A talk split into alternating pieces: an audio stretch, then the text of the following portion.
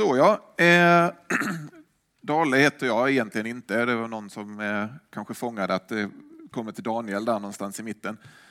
Det går bra vilket som. Eh, Dale är väl det jag är mest känd för i de här sammanhangen kanske. Eh, otroligt eh, roligt att eh, få frågan att komma hit. Jag vänder mig till, till gänget här framme då och, och tackar för det. Eh, Puls är för mig, liksom, har varit en tradition i många år och det har pinat mig att jag inte har kunnat vara med här nästan någonting i år. Så därför var det väldigt roligt att kunna få vara i alla fall en förmiddag eh, och, eh, och få komma och undervisa. Temat kanske ter sig en aning udda. Ni kör det här 100% temat hela, hela lägret här. Och så fick jag 100% slav. Kanske känns som det går liksom tvärs mitt emot mycket av det som eh, kanske man har fått med sig i konfundervisning och så här om att Jesus har satt oss fria och, och den sonen gör verkligen, eh, den sonen gör fri blir verkligen fri eller vad det nu står. Eh, jag kommer komma in på det, för det här är ett helt fantastiskt tema. Eh, och kanske, eh, ja, alltså, Paulus börjar romarbrevet 1.1. Vi behöver inte slå upp det, vi ska, vi ska bläddra mycket i biblarna sen. Men det är bara liksom, Paulus när han börjar sitt stora romarbrev så börjar han så här. Från Paulus, Kristi Jesus tjänare. Egentligen så står det från Paulus, Kristi Jesu slav. Eh, det är ett grekiskt ord som jag slaktar, doulos. Jag läser inte grekiska och det är inte jag som har liksom kommit på att det står slav här egentligen, det har jag läst mig till. Eh, men det står slav. Det jag har förstått när jag har läst på om det här, att det är en lite mesig översättning att översätta det till tjänare. Paulus presenterar sig i romarbrevet som från Paulus, Kristi, Jesu slav. Det finns eh, massa teorier på, på varför man har valt att översätta det till tjänare. Det är inte bara de svenska biblarna som har, har gått den vägen. Det ska jag absolut inte gå in på här idag, men det står slav. Så är det. Så det är ett mer genomgående tema, det här slavtemat. Jag ska sätta en klocka också så jag vet hur länge jag har hållit på. Kommer på.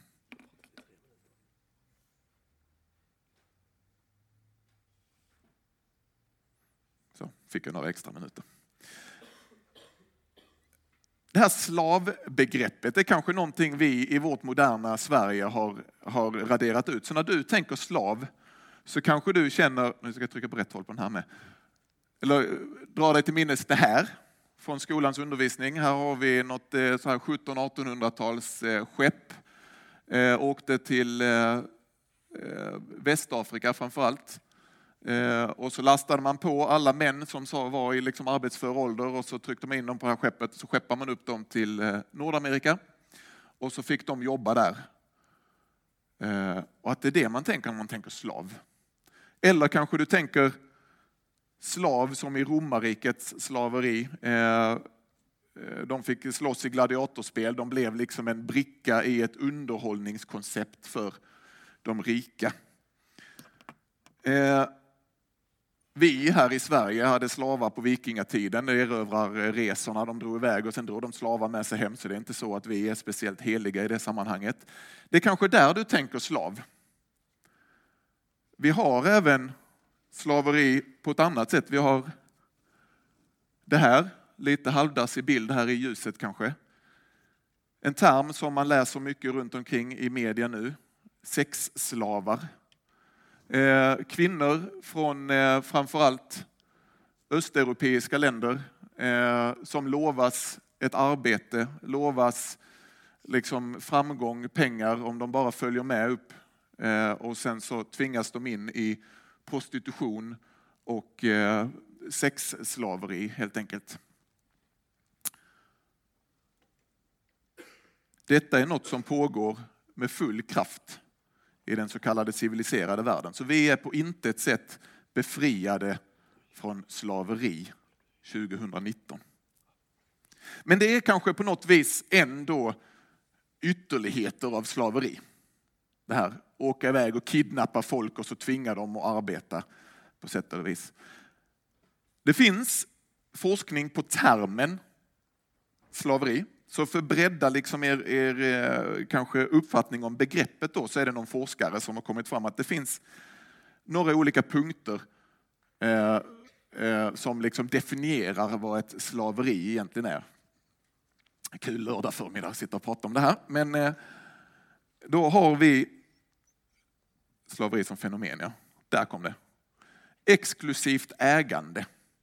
Alltså när vi pratar slaveri så pratar vi om att slaven är ägd av en ägare. Det finns någon som har betalt, på något vis köpt, eh, betalt ett pris och köpt den här slaven.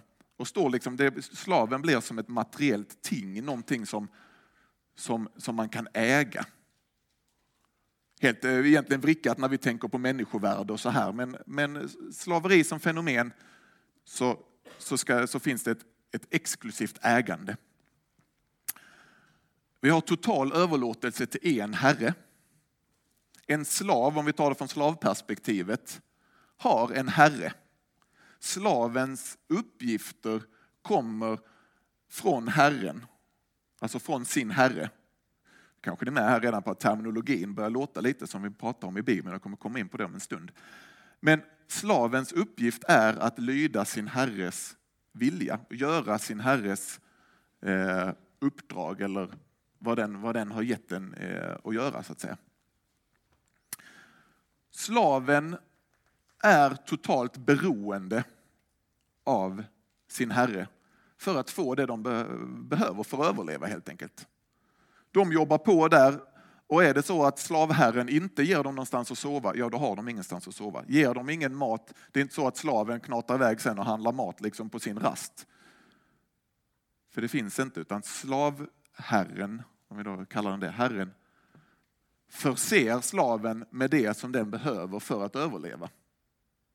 Allting var ju inte det här grymma liksom eh, så, utan det fanns ett helt spektra av slavägare som var mer som vad man skulle kalla chefer idag, arbetsgivare. Helt enkelt som hade arbetare i sin vingård till exempel, om vi tar det exemplet. Och då inser de ju att om jag driver på mina slavar alldeles för hårt, jag inte ger dem något mat och inget vatten, ja då kommer de ju till syvende och sist kola vippen. Då, då, det är inget bra hanterande av slavar. Så slavarna var totalt beroende att deras herre tog hand om dem. Och till sist då, slaven var personligt ansvarig för det som han eller hon fick att göra. Alltså man hade en uppgift och man stod till svars inför sin herre med huruvida man uppfyllde uppgiften eller inte.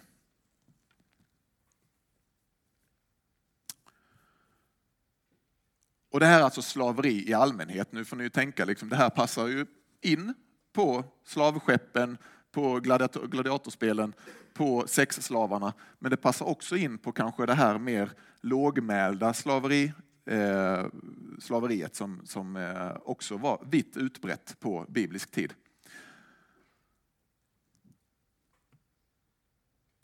Jag tänker mig att jag ska hålla mig till två stycken underteman, kan man säga, subteman den här förmiddagen. Det första temat är de slavar vi var.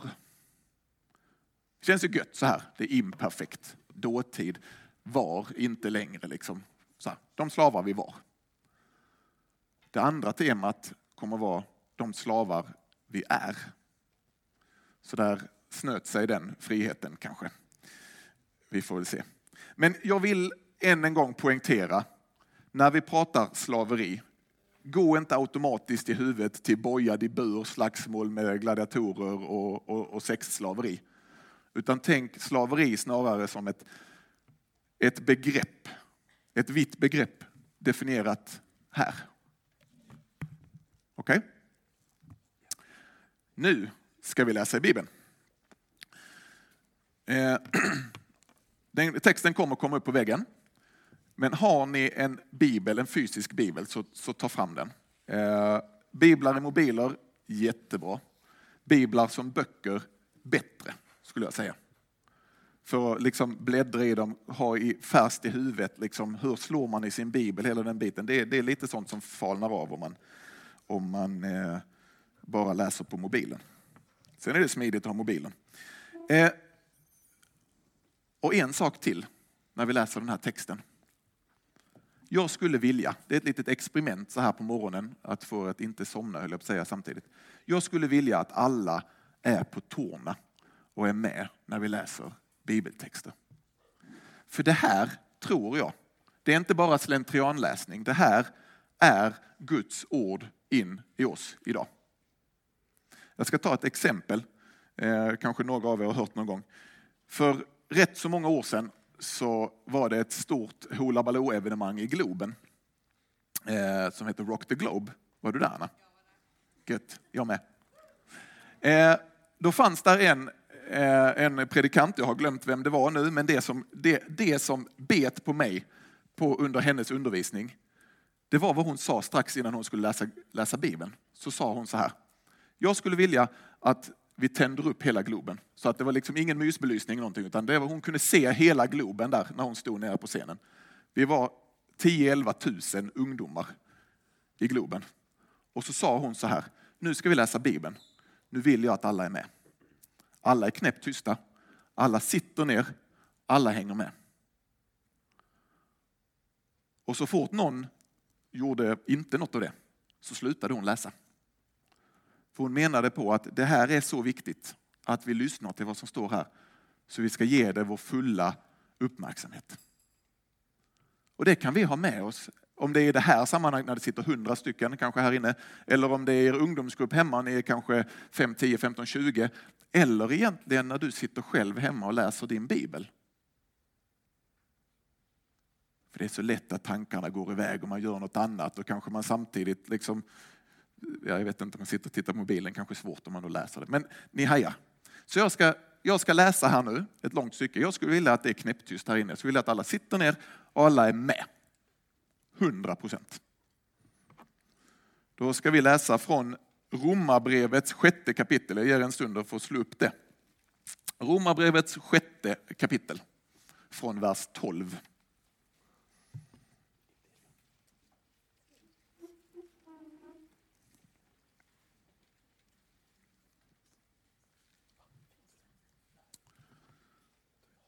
Jag börjar läsa. Synden ska därför inte härska er dödliga kropp, så att ni lyder dess begär.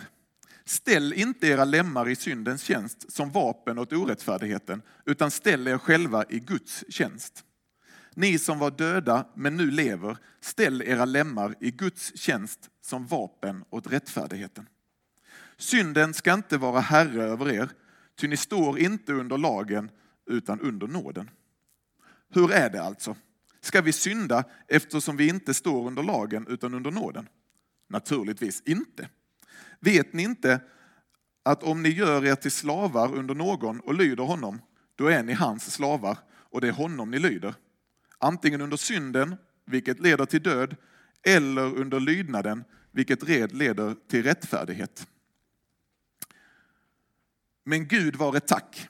Ni var syndens slavar, men har nu av hjärtat blivit lydiga mot den lära som ni blivit överlämnade åt.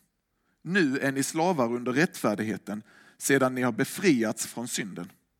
För er mänskliga svaghets skull använder jag en så enkel bild. Ty liksom ni förr ställde era lemmar i orenhetens och laglöshetens slavtjänst till ett laglöst liv, så ska ni nu ställa era lemmar i rättfärdighetens slavtjänst till helgelse. Medan ni var syndens slavar var ni fria från rättfärdigheten.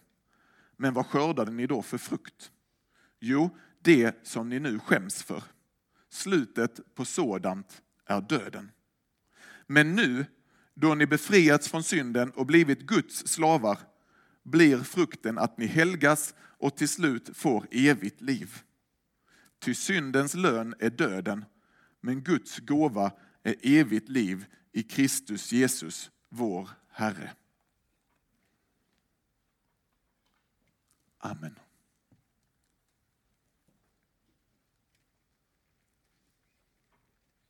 En ganska lång text och jag kommer inte i detalj gå in i allting som står här, men vi kommer hoppa lite fram och tillbaka. Så håll ett finger här på Romarbrevet 6 i era biblar. Vi ska hoppa rakt in i vers 16 och 17. Vet ni inte att om ni gör er till slavar, om, ursäkta mig. Vet ni inte att om ni gör er till slavar under någon och lyder honom, då är ni hans slavar? Dö. Då är ni hans slavar och det är honom ni lyder, antingen under synden, vilket leder till död, eller under lydnaden, vilket leder till rättfärdighet. Men Gud var ett tack. Ni var syndens slavar, men har nu av hjärtat blivit lydiga mot den lära som ni blivit överlämnade åt. Här finns den första viktiga grundpoängen som jag vill ta upp här idag. Ni, vi alla, du, jag, ingen här inne har någonsin varit fri. Vår grund, grundutgångspunkt är inte frihet. Vi är inte fria att välja. Paulus skriver, ni var syndens slavar. Det är vår grundutgångspunkt. Vi är alla födda in i ett slaveri, det under synden. Det är ganska poppis idag att tänka liksom att det här, vi är alla fria att välja vårt eget öde. Choose your destiny. Liksom. Det du vill, det kan du också uppnå. På ett plan, rätt, men i grunden så är, i grund och botten så är Bibeln väldigt tydlig på att vår utgångspunkt, där vi alla börjar, det vi har egentligen till syvende och sist från början är ett slaveri under synden. Slaveriet under synden med djävulen som din härskare och herre och med döden som den förutbestämda utgången har jag skrivit.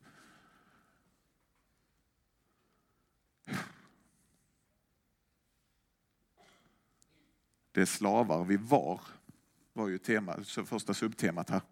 Paulus skriver, ni var syndens slavar.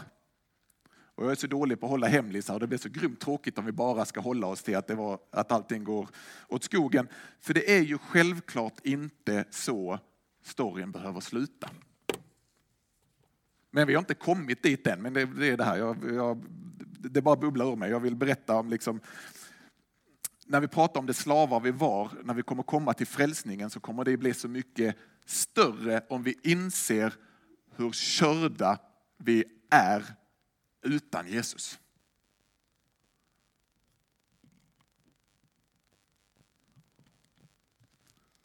Så utan Gud är vi alltså slavar under synden. Det är ju liksom inte så att man antingen är fri eller slav. Att man antingen liksom kan göra vad man vill eller så lyder man Gud. För har vi inte Gud så är vi slavar under synden.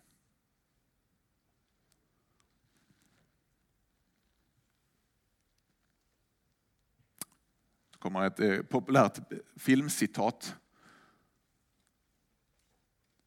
The greatest trick the devil ever pulled was to convince the world he doesn't exist. Det är nog ingen som har sett Usual Suspects från 1900, Robin vinkar här. 95 kom den ut. Det är egentligen en, en travestering på en, en, en, fransk filosof från 100 000 år sedan. Eh, men poängen här är att djävulen vill få oss att tro att han inte finns att det inte spelar så stor roll vad vi tror på, men välj du. Var, var fri, var, var, var vad du vill så länge du inte tror på Jesus.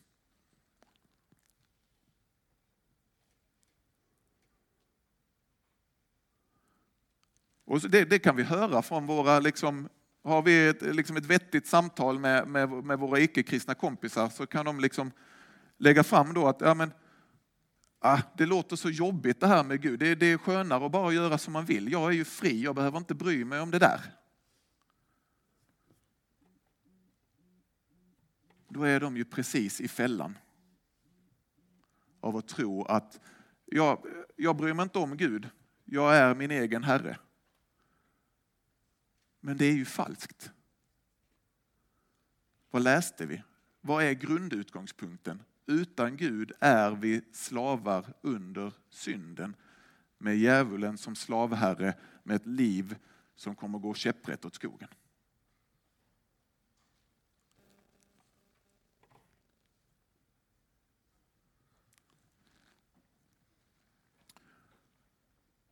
Kampen, striden om våra liv och vår evighet, den hände långt innan du eller jag fanns.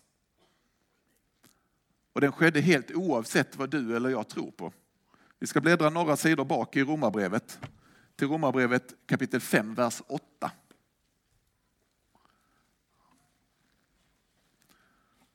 Då skriver Paulus så här.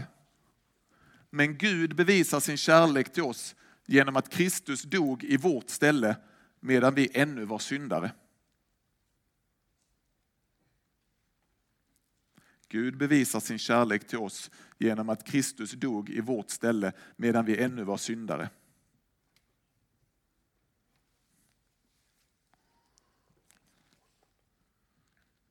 Det här kommer vi komma mer in på sen, eh, men det har lite att göra med det här att jag är så dålig på att hålla mig från de goda nyheterna. Men det är ju spelplanen.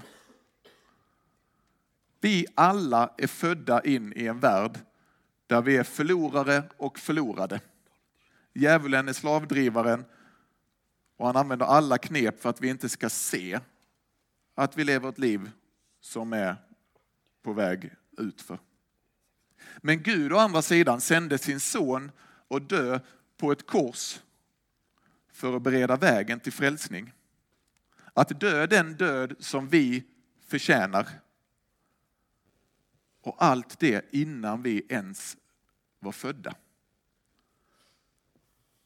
medan vi ännu var syndare, så gjorde Gud allt det här. Nu har vi lagt upp liksom, det här är förutsättningarna för dig och mig när vi kom till världen. Jag ska gå in lite mer praktiskt på det här med hur det här kan, med, med, med syndaslaveriet kan, kan ta sig ut, uttryck. En potentiellt provocerande fråga som du kan få fundera på. Vem äger din tid? Vem äger din tid? Vem äger din uppmärksamhet? Vem vänder du dig till om du får en liten stund över? Vad är din go-to att göra om du har lite tid över?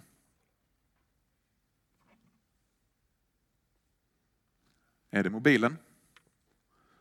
Skrolla lite sociala medier. Facebook, lite Instagram, lite Snapchat, lite Tinder, jag vet inte vad. Ni som har iPhone vet hur de körde igång den här skärmtidsrapporten för ett tag sedan.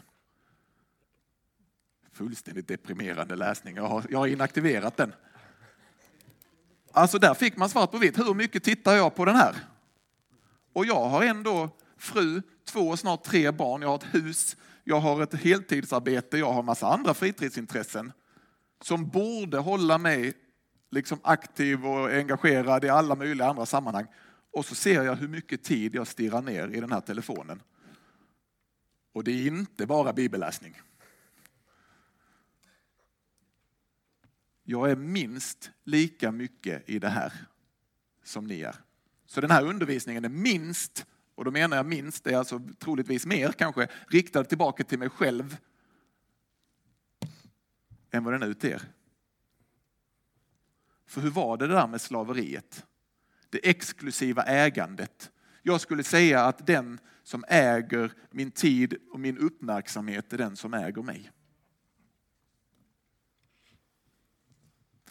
Total överlåtelse och lydnad. jag hoppas kanske att jag inte riktigt är där vad gäller min telefon. Men senast förra veckan så kom det upp en sån där annons. De sålde något riktigt billigt och så tänkte jag sån vill jag ha och så köpte jag det. För att jag scrollar lite i mina flöden. Totalt beroende. Till vardags jobbar jag som polis. Senast igår så tog jag alkohol från en alkoholist. Tidigare i veckan så var jag hemma hos en knarkare och tog hans narkotika. Jag vet hur en abstinens ser ut rent fysiskt när man tar någonting som någon verkligen behöver för att överleva. Jag har också jobbat som lärare i tio år och vet att vill man göra en person riktigt hispig så tar man deras telefon. Ni vet alla känslan när ni inte har telefonen i närheten. När någon kanske har tagit den och man bara, tänk om det händer någonting. Tänk, oh, vad missar jag nu? Eller om man har den, men batteriet håller på att ta slut. Panik. finns ingenstans att ladda här. Det är bara 8 procent kvar. Hur ska jag effektivt använda de här 8 procenten för att få ut så mycket som möjligt av min telefon och inte bara att den ska ligga i fickan och liksom dö ut långsamt. Och så kommer det komma en punkt då batteriet dör och så är ni med på känslorna. Poängen här är att vi är alla slavar under något på något vis. Jag har inte stenkoll på hur eh, konfaverksamheten funkar på Åhus och Strandhem, men jag har varit ledare tillräckligt många gånger på Brenes för att veta att där brukar vi köra mobilförbud. Jag kan tänka mig att det finns liknande på, på eh, Strandhem och Åhus också. Och det är samma sak varenda år. De första dagarna så ser konfirmanderna ut lite så här. Och så får man liksom säga till jag ser din mobil i bakfickan, du får gå och lägga den på rummet igen. Så, gå tillbaka och lägg tillbaka din mobil. Och sen så går det två dagar, så går det tre dagar. Sen är det precis som att det har öppnat sig en helt ny värld för konfirmanderna. Av verklig verklighet och verklig gemenskap med andra där man kan prata med den man sitter bredvid.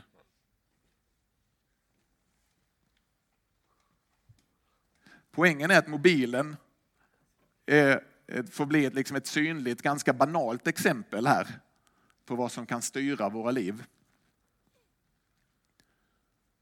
Men jag tror att vi har andra exempel som vi kanske inte skrattar lika mycket åt. Man kan vara slav under sex och sexualitet, relationer.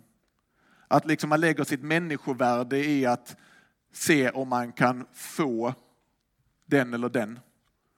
Kanske ligga med den eller den. Eller med så många som möjligt, vad vet jag.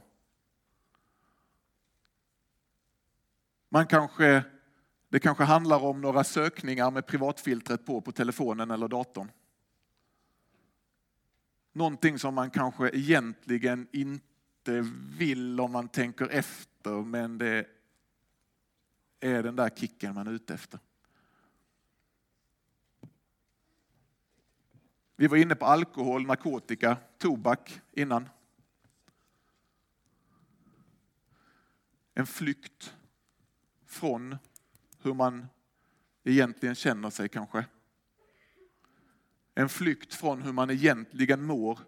Så sätter man känslorna och hjärnan ur spel och så får man lite fritid fritid. Nu sätter jag sådana här air quotes för er som lyssnar på detta. I några timmar eller för en kväll. Det kan vara prestation, skolresultat, kravet du har på dig själv och alltid göra ditt allra, allra yppersta och alltid vara bäst. Var på topp. Våga inte misslyckas.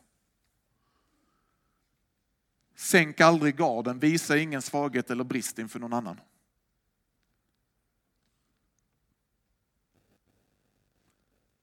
Du kanske vill vara eller se ut som alla andra.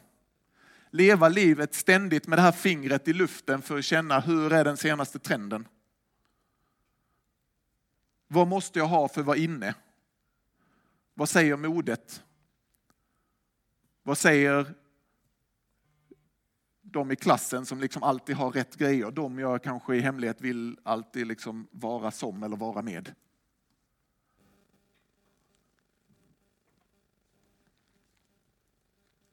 Ha rätt saker, tycka rätt saker, se rätt ut.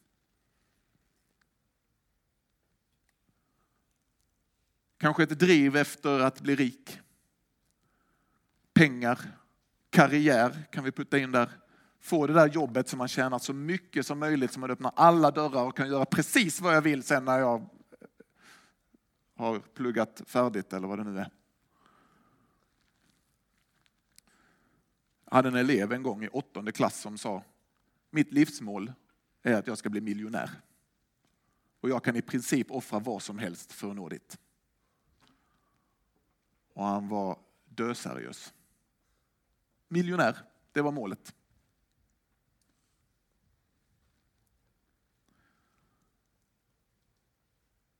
Men som alltid när vi pratar om de här grejerna så måste vi ändå också minnas att de flesta av de här sakerna i grunden inte är fel. Många av dem är Guds goda gåvor till oss. Sex, ambition, kunskap, mode, utbildning och så vidare. Det är ju någonting vi har fått från Gud. Det är goda gåvor. Men som vi har lyckats att använda i perverterade sammanhang så att de långsamt, långsamt bryter ner oss.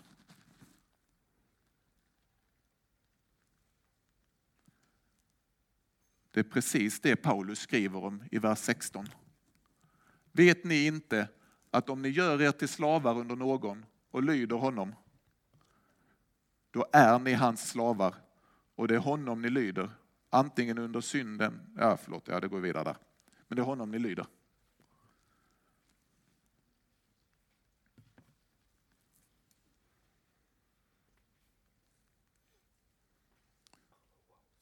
Vi går vidare till vers 20 och 21.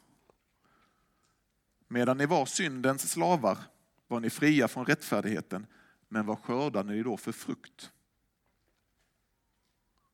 Jo, det som ni nu skäms för. Slutet på sådant är döden. I det korta perspektivet så ser det kanske inte ut som att de här grejerna leder till döden.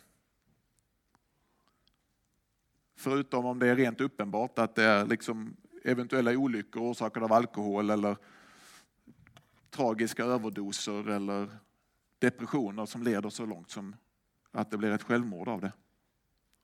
Men i världsliga ögon så verkar det ändå gå rätt så bra för folk. Även de som lever som slavar under synden.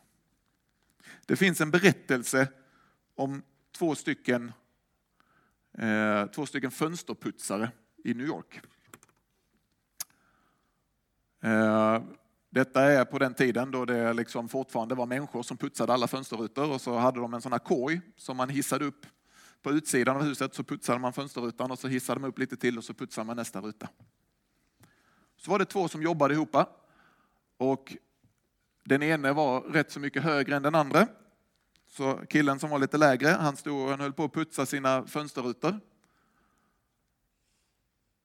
Och sen så, av någon anledning så tittar han upp och ser att personen här uppe börjar tappa balansen. Han börjar falla. Och han kommer ramlande ner, liksom han inser att här kommer min kompis komma ramlande precis metern bredvid mig. Och det kommer vara sista gången jag ser honom. För vi har ju 100 meter ner till marken, det finns ingen möjlighet att han överlever det här fallet. Vad ska jag säga till honom här nu sista gången när vi möts här när han kommer flygande förbi mig? Hinner inte tänka så mycket. Kompisen kommer flygande och han kläcker ur sig. Hur är läget? Om vi fryser bilden precis där. Så har vi kompisen svävande i luften liksom, ramlande ner och får frågan, hur är läget? Tror ni det? Fritt hängande i luften, fri utsikt, total frihet. Johan svarar som vi nog de flesta hade svarat. Det är gött. Och så slår vi på farten igen och så ser vi var det är han är på väg.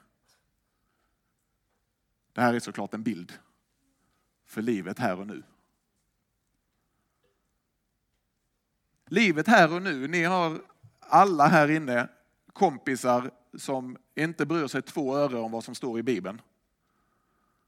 och, och verkligen liksom lever i det här som vi har gått igenom som är eh, ett liv i slaveri under synden. Men de verkar ha det hur gött som helst.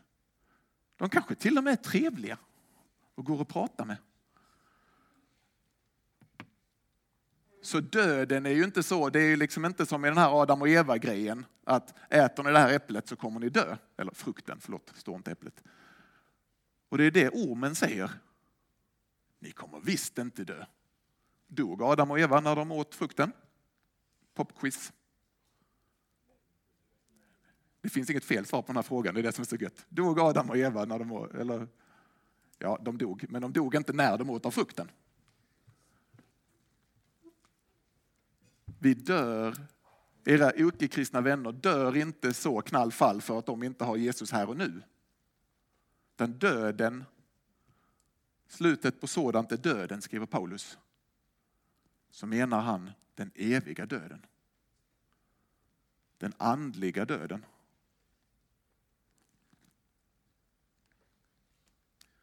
Den där vi satte vårt hopp till vad vi själva kunde prestera.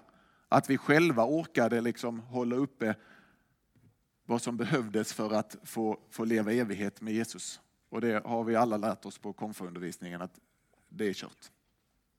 Vi behöver någon för att klara oss i det sammanhanget. Det slavar vi var när vi var slavar under synden det slaveriet slutar oundvikligen med döden. Den själsliga döden.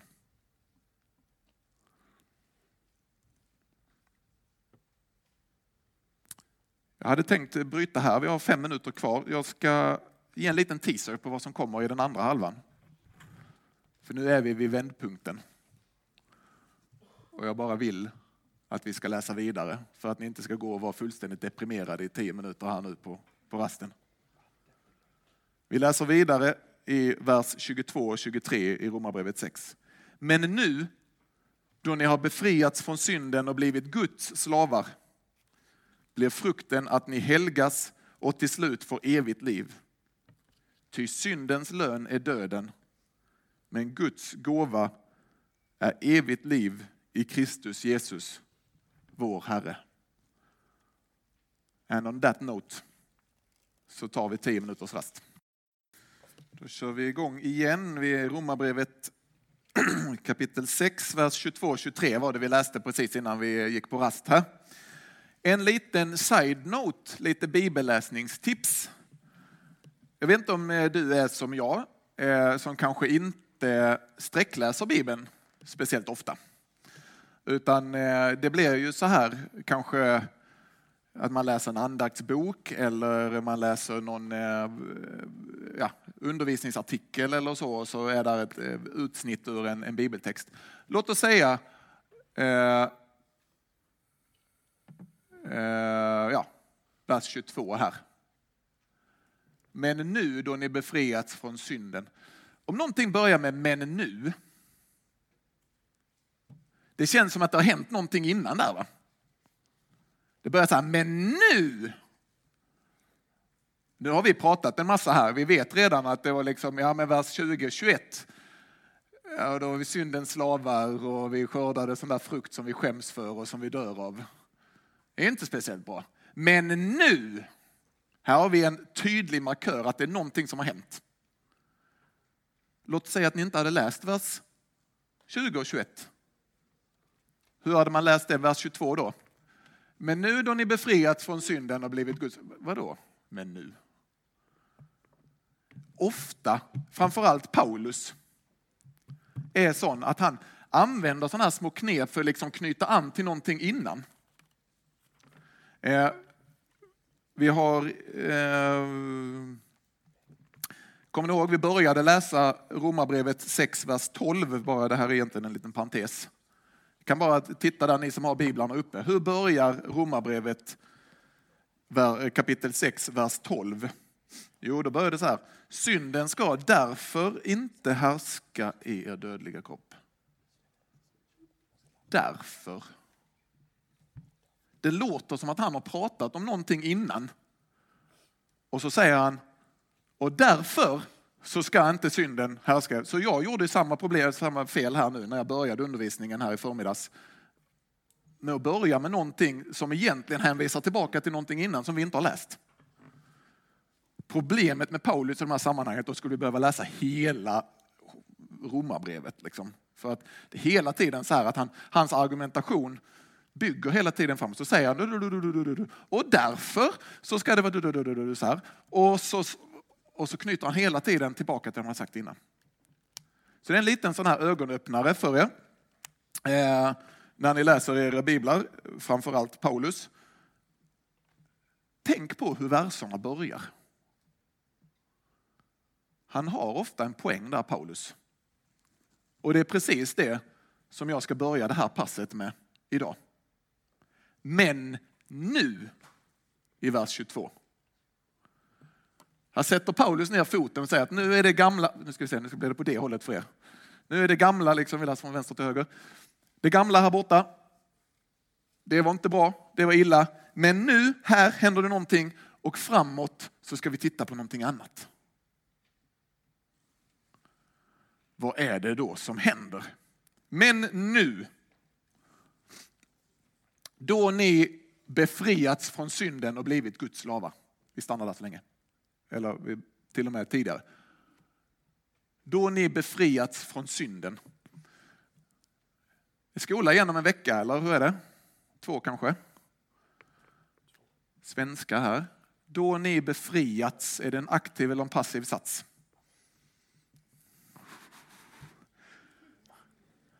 Tystnaden är total, det är 50-50. Någon som vågar sig på en kvalificerad gissning? Då ni befriats från synden, är det en aktiv eller en passiv sats?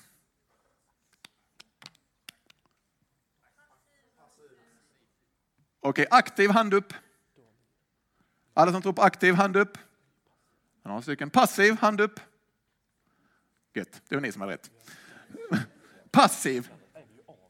Ni har befriats det är inte ni som gör någonting i den här satsen. Ni är de som det händer någonting kring. Vad är det som händer? Jo, någon har befriats. Det står inte nu när ni gjort er fria. Eller nu när ni liksom, eh, eftersom ni är så grymt bra. Paulus han klämmer in hela evangeliet här i den här lilla satsen. Men nu, då ni befriats från synden.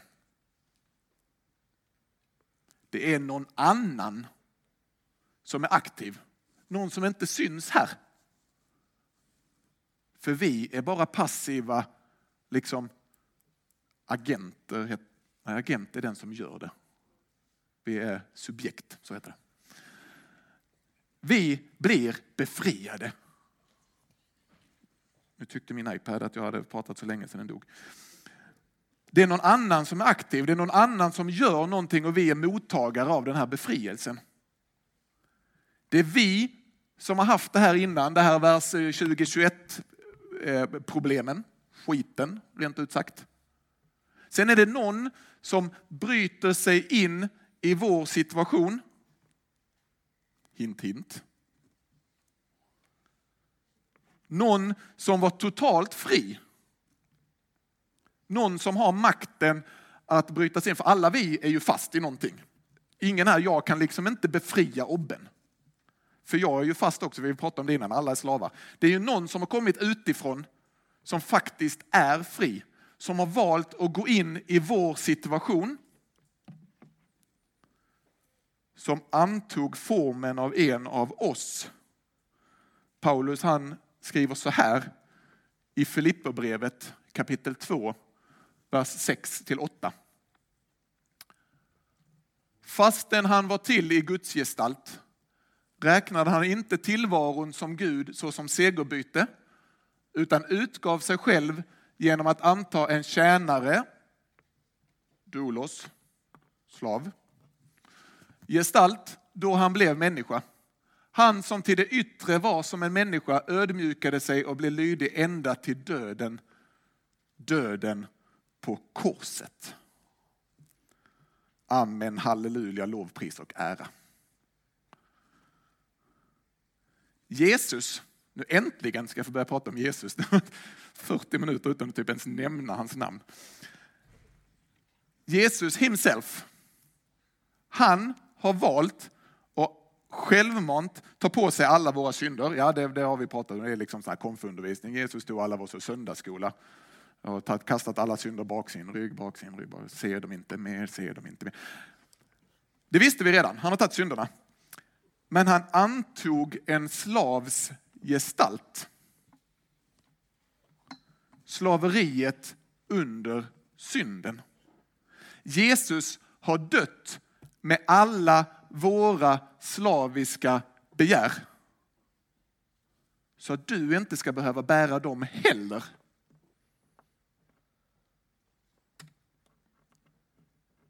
Är du med? det är liksom, när jag läser detta, det är det som är skithäftigt när det liksom slog mig snett från vänster hemma. För jag är ju kvar, alltså, även jag tänker så här, ja, men vad gjorde Jesus för mig på korset? Jo, han dog med alla mina synder. Halleluja. Han har ju också tagit liksom, den situation jag var i, rent andligt. Jag som slav under synden. Den har Jesus tagit med sig upp på korset. Vi har befriats från synden. Men vi har befriats från våra slaviska begär.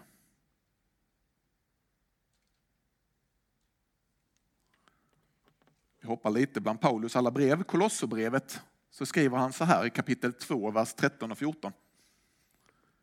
Ni som var döda på grund av era överträdelser och er oomskurna natur Också er har han gjort levande med Kristus. Han har förlåtit oss alla överträdelser och strukit ut, kom ihåg strukit ut här. Strukit ut det skuldebrev som med sina krav vittnade mot oss. Det har han tagit bort genom att spika fast det på korset. Skuldebrev. I korthet, ett skuldebrev eh, på den här tiden var en, en offentlig handling. Man hade inga databaser och sånt så man kunde gå in på nätet och kolla. Så att allting som var offentliga handlingar var ju tvungna att finnas så alla kunde läsa det någonstans. Oftast på torget. Så satte man upp så här lappar liksom att den här personen är skyldig, om det var skulder, liksom rent så här skulder, men också vem som ägde vem. Det var liksom ett register på slavar. Och så stod det liksom så här att här är liksom beviset på att jag är slav och slavägaren i mitt fall är kanske Obben, säger vi.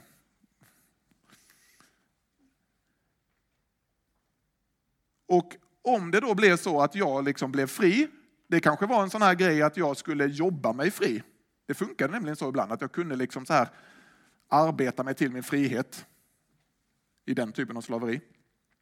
Eller det fanns andra liksom som kom och köpte loss slavar och befriade dem liksom som köpte att nu är du min egendom, men jag säger till dig du är fri, du kan gå var du vill. Och för att det skulle bli allmänt känt att den här personen verkligen var fri, så tog man det här officiella pappret på torget och så markerade man kryss över det och sa att det här gäller inte längre. Okej, okay, det, det är den bilden vi pratar om här.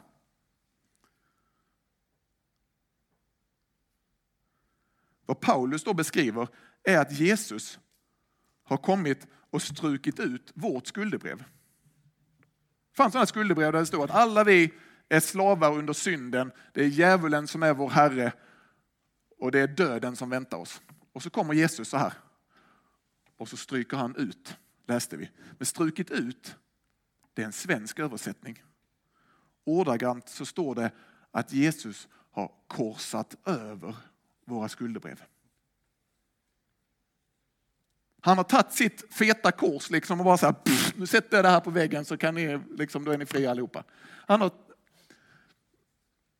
korsat över, vilken härligt beskrivning på vad Jesus har gjort. Han har korsat över alla våra synder, skulder och det faktum att vi är slavar under synden. Och inte nog med det. Det har han tagit bort genom att spika fast det på korset. Han har tagit alla de här papperna som liksom band oss juridiskt till att vi var slavar under synden och så har han spikat fast dem på korset. Och vem hänger på korset? Jo, han själv. Han har spikat fast liksom alla våra slaverier i sig själv på korset. De var där. Där hängde min, mitt syndaslaveri och dog bort med Jesus.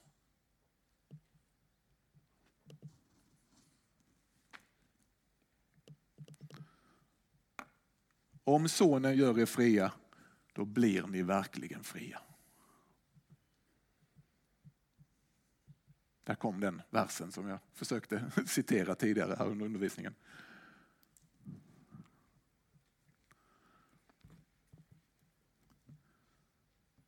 Men fria från synden är ju tyvärr inte detsamma som syndfria. I alla fall jag syndar fortfarande eh, kanske en bunke he, he, hel, helingar. Heliga. Vi syndar fortfarande, det så är det bara. Allt det som vi pratade om innan, om syndakonsekvenser, på ett eller annat plan så finns det i mitt liv och jag är nog rätt säker på att det finns i era också. Gud förlåter synder. Vi kan komma till honom med allt som vi har gjort, sagt, tänkt och han kommer ta dina synder på sig och du slipper bära på det. Men det förhindrar ju inte att du gör nya synder. Vi står fortfarande mitt i kriget mellan att synda och leva i enlighet med Guds vilja. Vi syndar fortfarande, men vi är inte tvingade att synda. Det är inte vår förutsagda framtid. Det är inte längre synden som är vår slavdrivare, den som är liksom vår exklusiva ägare, den Kommer ni ihåg de här punkterna? Liksom? Den som vårt ansvar är gentemot att följa den syndiga naturen. Det är borta.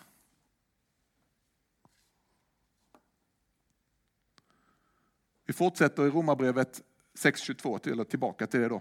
Men nu då ni befriats från synden och blivit Guds slavar. Ja, där var den friheten nu har vi blivit Guds slavar. Befriats från synden och blivit Guds slavar. Att bli Guds slav verkar inte vara valbart. Det står inte om ni har befriats från synden eller blivit Guds slavar. Det står och. Befrielsen från synden och ingåendet i, i, i Guds slaveri verkar gå hand i hand.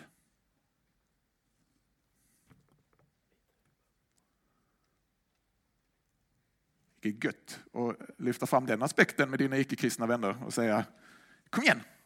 Alltså jag, jag brinner för att berätta för dig om hur du kan bli en slav under Jesus Kristus.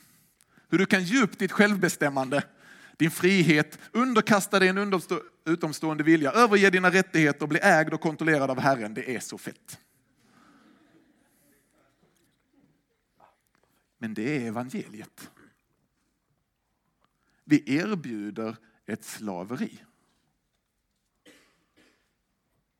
Grundessensen i ett kristet liv är att vara Kristi slav. Bara för att, om ni inte tror mig, så tänkte jag citera Bibeln här. Och här tänkte jag att de skulle poppa upp en och en, men jag glömde visst göra det igår kväll. Lukas 9.29. Om någon vill följa mig, detta är Jesus som säger, om någon vill följa mig skall, ska det stå där, han förneka sig själv och varje dag ta sitt kors och följa mig. Ty den som vill bevara sitt liv ska mista det, och den, men den som mister sitt liv för min skull, han ska vinna det. Romarbrevet 1.1, det var så jag började. Från Paulus, Kristi Jesus tjänare, men det står slav egentligen. Galaterbrevet, också Paulus. Om jag fortfarande ville vara människor till lags skulle jag inte vara Kristi slav. Det står tjänare, men det står slav.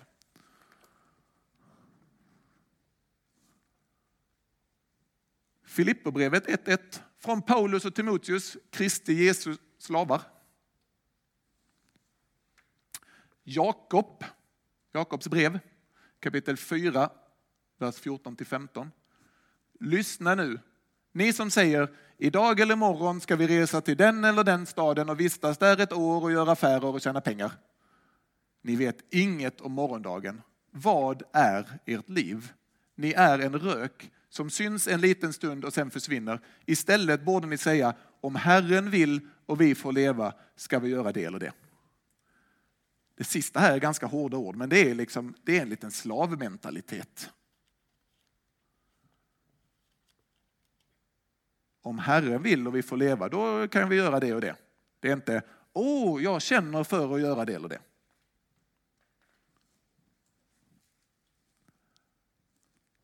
Sista är från himmelen. Uppenbarelseboken kapitel 22, vers 3. Och ingen förbannelse ska finnas mer. Guds och Lammets tron ska stå i staden och hans tjänare mm, slavar skall tjäna honom.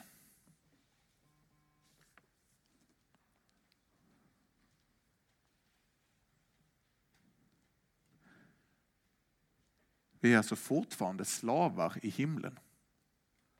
Kommer ni ihåg? Fortfarande inte bojade i bur, behöver slåss med gladiatorer eller sälja våra kroppar. Utan det handlar om det här andra med ägandeskapet.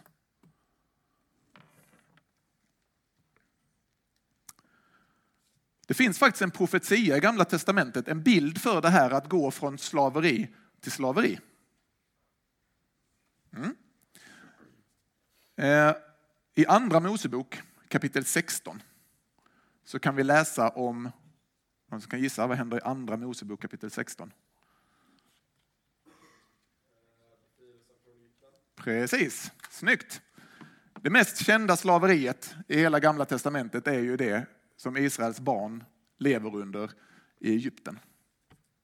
Och där Gud genom en mäktig kraftgärning leder det här folket ut ur Egypten och är synligt närvarande varje dag. Alltså man, man borde läsa de här gamla historiska texterna oftare. Här läser vi att Gud är med på dagen som en vadå? Molnstod och på natten som en eldpelare. Om det är någon som undrar, undrar vad Gud är idag? Där är han. Ja, ni behöver inte titta ut här i skogen, men ni fattar liksom. De levde med Gud liksom så här nära för ögonen varje dag. Så blir de räddade, befriade från Egypten, tagna ut genom Röda havet. Bara det är ju en, en, en skithäftig historia som vi skulle kunna gå in på. Men så börjar de vandra genom öknen. Och en månad senare, en månad, då står det så här. Hela folket, de är rätt många, hela folket, det står inte liksom så här en sur gubbe i ett hörn, utan hela folket börjar gnälla. Och så säger de så här, om vi ändå hade låtit oss dö i Egypten. Och vad är anledningen? Jo, då sitter de där och gnyr och säger att Egypten, ah, där hade vi våra köttgrytor och vi kunde sitta där på kvällarna och vi kunde ha det gött. Vi visste att vi skulle få mat och, och liksom, vi hade någon som liksom försåg oss med det vi behövde och, och liksom sen så ja, slavade vi hela dagen. Men sen så fick vi vår mat igen och det var så tryggt. Vi hade liksom vår lilla sfär och våra kompisar nära. Och, jag vet inte. Men ni, nu vänder de sig till, till Mose och Aron och så säger de, ni har fört oss hit ut i öknen för att låta hela denna skara dö av hunger. Det är det, det är därför ni gjorde det här. Säger de till Mose och Aron. Det intressanta om man bara tittar liksom, i aspekten är att det finns inget tecken på hunger eller någonting annat. Liksom. Utan det är någonting annat som driver dem här bak, de här gnällpellarna.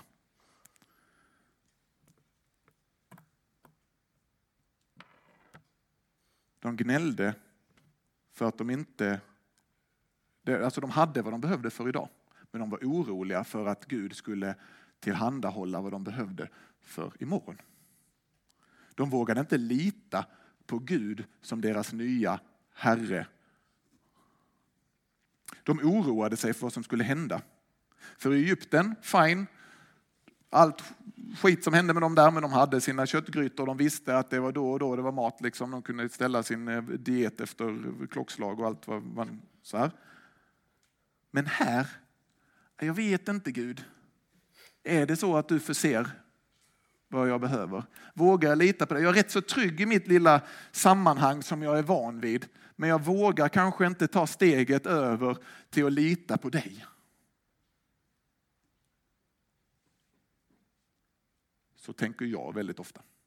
Så därför så kan jag sätta tand för tunga när jag skrattar åt de här egyptierna i öknen, höll jag på att säga, men Israels folk i, i, i, i öknen i Egypten.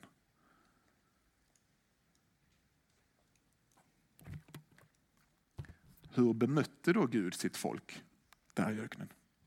Jag är glad att jag inte är Gud. Hade jag gjort allt det här för folket, liksom så, här, så hade jag suttit där uppe, om vi nu tänker bildligt talat här i min himmel, liksom, så tar jag skyn och så river jag den i två delar och sticker ner huvudet och säger, hur tänkte ni nu? Vad var det där i Egypten som kanske inte var riktigt sådär bra? Hmm, vi, tänker, vi tänker tillsammans. Brainstorming. Jag tänker mig en komplett tystnad av folket. Piskrapp. Dagligen på era nakna ryggar. Det var det som är räddade utifrån. Och nu tar jag er ut dit och ni gnäller för att er diet. Ja, jag är inte Gud och Gud är inte jag. Vad gjorde Gud? Gud är tålamodets, kärlekens och generositetens Gud. Även i GT. Han blir ofta beskylld för att vara olika gudar i GT och NT. Men vi får möta Gud som ser sitt folk bli uppjagade och inte ha mat för dagen. Och hans respons är att göra maten för dagen mer synlig. Han skickar de här mannan och vaktlarna. Hosea bok, jag har inte skrivit upp den här på väggen. Den är ju lite poetisk, då står det så här i 11.4. Jag böjde mig ner och gav dem mat. Gud sände manna och vaktla. Nog för idag. Det står till och med så att om man försökte samla in, liksom, man tänkte att nej men jag litar inte på dig Gud, jag, jag tar en vaktel extra här, en sån här fågel, liksom. tänker att det har jag för imorgon. Då ruttnade den till nästa dag. Orderna var tydliga. Samla ihop det ni behöver för idag. Lita på mig. Jag tar hand om er. Ni ska få nytt imorgon. Morgondagen tar jag hand om imorgon. Men mannat, det är inte bara ett bevis på att Gud tar hand om det dagliga brödet. Mannat är också en profetia på ett annat dagligt bröd från himlen. Ett livets bröd som möter våra behov dagligen. Och än mer än det fyller vårt inre som inget jordiskt bröd kan. Och slutligen blev vår räddning då han dör på korset för dig utgiven.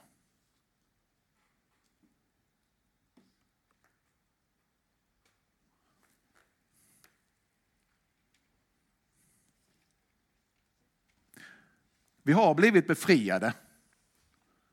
Vi har tagit oss, eller förlåt, vi har blivit befriade. Gud har tagit oss ut från vårt Egypten, vårt syndaslaveri och in under en annan herre som vi nu måste våga lita på. Men det finns en inre kamp inom oss att vi vill också tillbaka till våra köttgrytor. Det som vi liksom visste vad vi hade. Bibeln talar om den gamla och den nya människan i oss. Den gamla människan är ganska uppenbart. Det är den som fortfarande vill synda, som liksom drar tillbaka. Den nya människan är den som vi har blivit i Kristus, den som är fri, den som vill följa hans vilja. Kampen däremellan är det som vi brukar kalla för helgelse. Det är en mental transformation kan man säga. Men jag vill återigen trycka, för det är så lätt att vi hamnar när vi tänker slaverier. Guds slaveri är inget hundgöra. Guds slaveri är inget tyranniskt förhållningssätt styrt av rädsla och skräck och påtvingat styre. Det är liksom inte konstanta krockar mellan, åh jag skulle vilja göra det här men Gud vill att jag ska göra det här. I alla fall inte med vår nya människa. Istället så ska vi se det som att när vi ställer oss under Guds slaveri så får vi låta honom förvandla vårt sinnelag så att vår vilja liksom linjerar med hans vilja. Det är en kamp. Vi vill till våra köttgrytor. Vi vill tillbaka till våra syndiga, eh, vårt syndiga liv. Det kan vara ganska gött, nu sätter jag fingrar i luften igen för er som inte ser det, att synda. I alla fall det där liksom precis där och då. Har ni hört liknelsen om att synda är som att kissa på sig en bävernylonsoverall? Hur många av er hade sådana här schyssta bävernylonsoveraller när ni gick på förskolan och var sex år gamla? Så att fullständigt vattentäta både inifrån och ut. Liksom. Så här så kunde man gå ut och hoppa i, i, i lerpölar och annat. Hur många är inne och kissat på sig en sån? Ja, ni behöver inte nu, liksom i vuxen ålder. Men... Alltså, det blev liksom rätt så varmt och skönt först. Sen blev det inte det. Det är lite så det fungerar med synden. Att det blir liksom en momentan belöning, liksom att vad det nu än är, liksom, så kan det kännas först liksom bara, ah. och sen så svalnar det här kisset. Man öppnar lite här och det luktar rätt så illa liksom där nerifrån. Och det blir jättemycket problem. Så vi, vill, vi dras av det där första momentana härliga av att synda. Men den nya människan får påminna oss om konsekvenserna. Lukten liksom och att ja, nu måste vi tvätta allting och det blir bara massa extra jobb för mamma och hon blir arg och så här. Att ställa sig under Guds slaveri är att få sin vilja att mer och mer likna Guds vilja. Det är det som är helgelsen. Vi går tillbaka till de här verserna som vi började i Romarbrevet 6, 22, 23. Men nu då ni befriats från synden och blivit Guds slavar blir frukten att ni helgas, kommer ni ihåg? Förändras, att bli mer och mer lika Guds, eh, Guds vilja. Och till slut får evigt liv. Till syndens lön är döden, men Guds gåva är evigt liv i Kristus Jesus, vår Herre. Helgas. Det finns en berättelse eh, också den från USA, om en man som reste runt med kamphundar. Så han hade en helt set kamphundar och så ordnade han tävlingar mellan två av sina egna hundar. Och så fick folk komma dit och sätta pengar på vilken hund som skulle vinna. Fullständigt olagligt idag, men så var det på den tiden. Och hur den var, var han än var, så var det alltid han själv som drog in mest pengar. Han lyckades alltid tippa på rätt hund. Liksom så här. Och det var en journalist, reporter, som fick eh, nys om den här historien, att han hade den här historien med sig, att, att han alltid vann. Så han började resa med den här eh, hunduppfödaren, om man nu får eh, kalla honom för det. Och så såg han att ja, han vinner faktiskt ofta, eller nästan alltid. Och det är inte så att han liksom alltid vet att den här hunden här, den är mycket starkare än alla andra så den vinner, utan det kunde vara olika hundar. Och till slut så, så, så, gick han fram till mannen och sa att alltså jag har rest med dig ett tag nu. Och jag har sett att den du sätter pengar på, det är alltid den som vinner. Vad är din hemlighet? Sa mannen, det är enkelt. Den hunden man matar, den vinner alltid. Den hunden man matar, den vinner alltid. Vilken av dina människor, vilken del av ditt hjärta är det du matar? Helgelsen är ett samarbete. Gud har visat vägen, han har visat sin vilja. Vi väljer livsväg. Vi får inte förväxla helgelsen med frälsningen.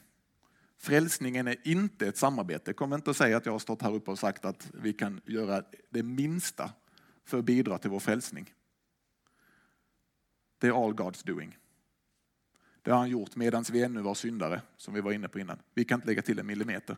Han har brutit sig in i vårt syndaslaveri. Jag ska inte komma igång på allt det där. Men helgelsen är något annat. Den här texten som vi utgår från idag i Romarbrevet kapitel 6. Den är skriven till fria människor, fria ut ur fängelset. Gud har köpt oss fria. Vi måste inte vara under syndens makt.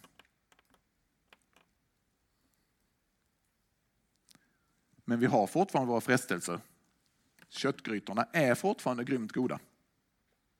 Vi lockas, vi har svagheter, våra begär de, de försvinner liksom inte. Det vore så grymt skönt om Gud kunde gå in och bara puff så här, nu har vi inga så här dragning till synden längre. Det som försvinner var det vi var inne på innan. Det är tvånget, den förutbestämda vägen, slutet, att vi skulle gå under evig död. Utan vi får istället jobba ständigt på att ställa oss under Guds ledning. Under Guds nåd. Vi får be om hans hjälp att föda den nya människan. Och svälta ut den gamla människan.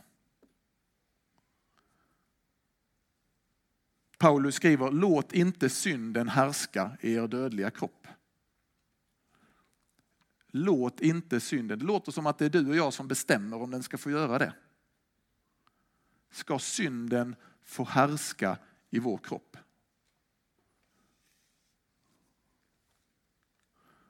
Paulus skriver, ställ inte era lemmar i syndens tjänst som vapen åt orättfärdigheten, utan ställ er själva i Guds tjänst. Ni som var döda men nu lever, ställ era lemmar i Guds tjänst som vapen åt rättfärdigheten. Ni som var fångade under syndens slaveri. Här står det att, ni, att vi redan var döda. Alltså det är en bild för att det leder till den eviga döden. Vi var ju inte döda såklart, vi lever. Men ställ era lemmar, det är en uppmaning att föda den nya människan. Svält den gamla människan. Ställ inte era lemmar i syndens tjänst. Och lemmar här, det är rätt så gött. Jag fick inte ett enda fniss när jag läste lemmar. Det är inte bara liksom sexuella anspelningar på det. Det är hela din kropp. Dina armar, dina ben, dina läppar, din tunga, ditt sinne. Fall inte in i syndiga mönster med vad du gör med det som är du. Ställ dina lemmar i Guds tjänst. Som vapen för honom. Vi har olika förutsättningar. Obben var inne på det innan när han pratade om asken här. Alla är inte sådana som står här och liksom pratar inför, alla, inför folk. Du är skapt kanske helt annorlunda än de som är skapta för att kanske stå här och prata inför folk. Hur kan du ställa dina lemmar som vapen för Gud?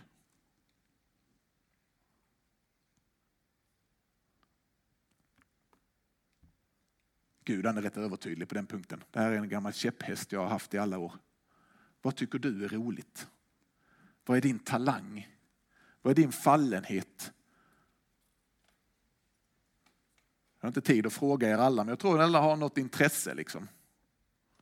Jag brukade ta bilden av en gammal husmor på Brenäs Och man har hört den här 4000 gånger tror jag nu. Hon heter Maj-Britt. Maj-Britt är fantastisk. Hon kom, då kom vi på en återträff en gång, en fredag eftermiddag. Och så hade Maj-Britt bestämt att vi skulle äta pannkakor den kvällen. Och så eh, fanns det sådana här, vet, såna här frystorkade, höll jag på att säga, men sådana man köper i låda, sådana här pannkakor som bara ligger lavade, sådana ni får i skolan. Så sa Maj-Britt så här, nej, här ska vi inte äta sådana, här ska ätas riktiga pannkakor. Ni tänker själva, hur många pannkakor äter ni för att bli mätta? Ja, Säg fem. Och så räknar vi 25 konfirmander, 15 ledare, vad blir det, 30-40 stycken. 40 gånger 5 vad är vi uppe i? 4 gånger 5 är... Hon stod och flippade 200 pannkakor liksom. Jag, jag bakar pannkakor till mina barn hemma. De, jag är glad att de blir mätta efter en och en halv. Liksom. Sen åker inte jag med. Hon stod och stekte 200 pannkakor. För hon tyckte att det var det vi skulle ha. Liksom. Det är hennes insats. Hon var en riktig härlig kökshjälte. Och det gjorde hon för Guds tjänst. Om Maj-Britt kan flippa pannkakor för Gud så finns det nog en hel del grejer du kan göra. Du kanske är grym på att spela fotboll, vad vet jag? Jonglera, dansa, skaffa vänner, liksom. var en sån som folk dras till. Ställ dina lemmar som vapen. Nu ska vi se. Ställ era lemmar i Guds tjänst som vapen för, åt rättfärdigheten. Det är det han menar, det är en uppmaning till dig och mig att använda det vi har. Och på det sättet så matar vi den nya viljan, den nya människan. Den som vill, där vi får vår vilja att liksom linjera med Guds. För det är det, jag är säker på att det är det som är Guds vilja med ditt liv. Han skulle inte hålla på och ge dig, det skulle vara väldigt taskigt av honom att ge dig ett, ett intresse, en fallenhet, att du är grymt bra på någonting och så skulle det vara helt värdelöst i, i, i användning för Guds tjänst. Jag tror inte det finns något sånt. Men det du kan göra, det kan du göra för Gud. Som hans slav.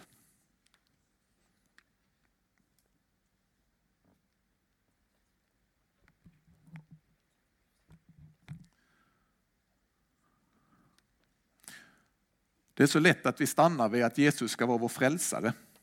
Det är populärt. Vår bästa vän. Det är härligt. Myspys. Vi vill ha Jesus som frälsare men inte som Herre. När jag gick på gymnasiet så hade vi en kristen skolgrupp.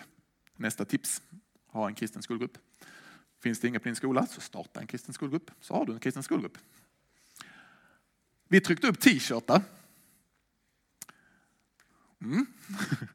Där det stod Jesus är min herre, vem är din? Så här lagom provokativt. Han går omkring på sin gymnasieskola. Vi fick en del eh, glåpord och, och, och, så liksom på det. Men jag tror inte vi fattade hur på pricken det uttrycket egentligen är.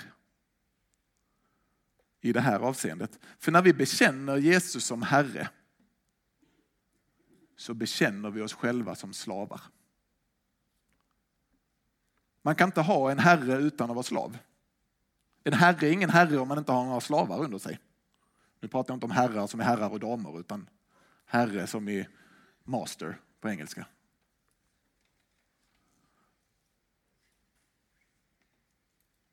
Säger du Jesus är min herre så säger du också jag är hans slav. Herre är ett absolut begrepp. Man kan inte vara, Jesus är lite min Herre.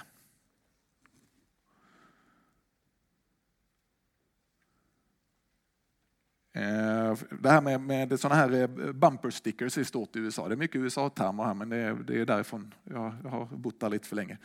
Eh, då, då, såg jag en sån här eh, bumper sticker när jag var ute och körde en gång. Så stod det, either Jesus is Lord of all, or he's not your Lord at all.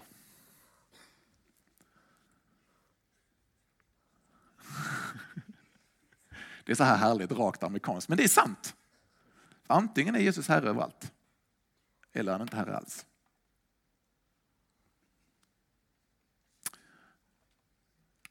Jag ska jämföra det här med slaveriet under Jesus med de här punkterna vi började prata om i början.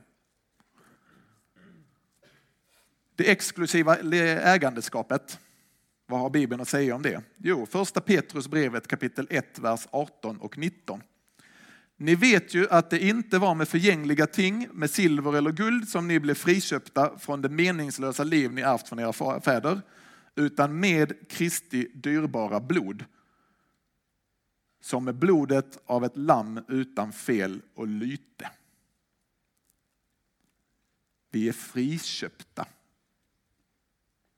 Det är någon som har betalt pengar för oss. Kommer ni ihåg? Det var det som var liksom första punkten på att ett, ett, slaver, ett slavförhållande är att man är köpt. Det är någon som har betalt ett pris för dig. Och det är inte med silver och guld, utan med Kristi dyrbara blod, skriver Petrus.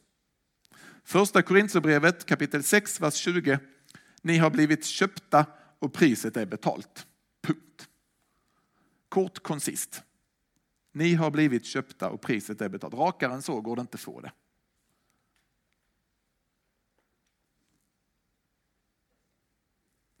Total överlåtelse till en herre. Den här är rätt känd. Jag tog eh, citatet från Nya Testamentet, även om det i sig är ett citat från Gamla Testamentet. Matteus 22.37. Du ska älska Herren din Gud av hela ditt hjärta, av hela din själ och hela ditt förstånd.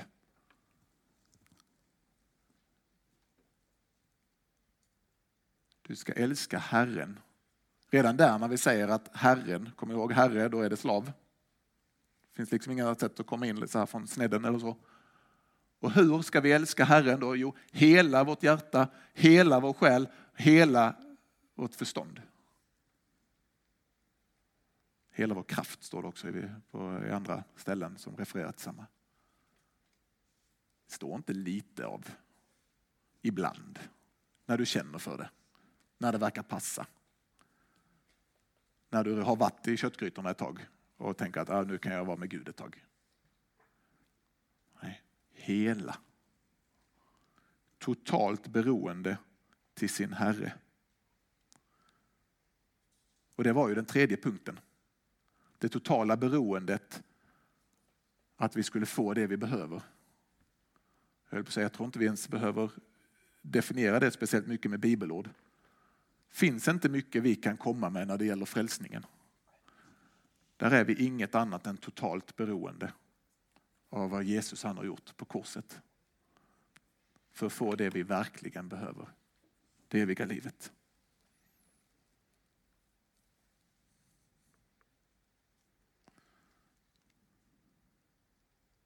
För att vara Jesus slav det är något helt annat än någon annan typ av slaveri.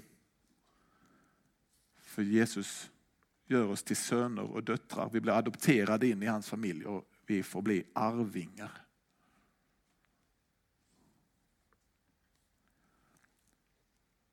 Jag ska avsluta återigen med den här vers 23 i kapitel 6 Romarbrevet.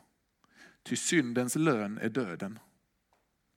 Men Guds gåva är evigt liv i Kristus Jesus. Det är ganska uppenbart. Här finns det två vägar att välja eller gå. De är vitt skilda i resultat. Men det finns också en annan väldigt viktig skiljepunkt på de här två. Döden är syndens lön. En lön är någonting man får i utbyte mot ett arbete. Det är någonting man förtjänar. Går vi syndens vägar så får vi dess lön. Det vi förtjänar. Och det är döden. Evigt liv är Guds gåva. En gåva är oförtjänt. Den är av nåd. Och där tänkte jag stanna. Vi ber lite tillsammans. Tack Herre för att du har brutit dig in under syndens slaveri och hämtat oss ut till ett liv i ditt slaveri. Herre, tack för att det är du som har gjort och vi kan ingenting göra och lägga till eller för att förtjäna. Tack för att vi får vara dina slavar. Tack för att vi får vara dina barn. Herre, hjälp oss nu att fortsatt framåt i livet föda vår nya människa. Hjälp oss, styrk oss i kampen att svälta ut den gamla människan. Visa för oss hur vi kan ställa våra lemmar i kampen för dig. Visa på din vilja med våra liv. Vi tackar dig för att du är vår Herre. Vi bekänner dig som Herre. I Jesu namn. Amen.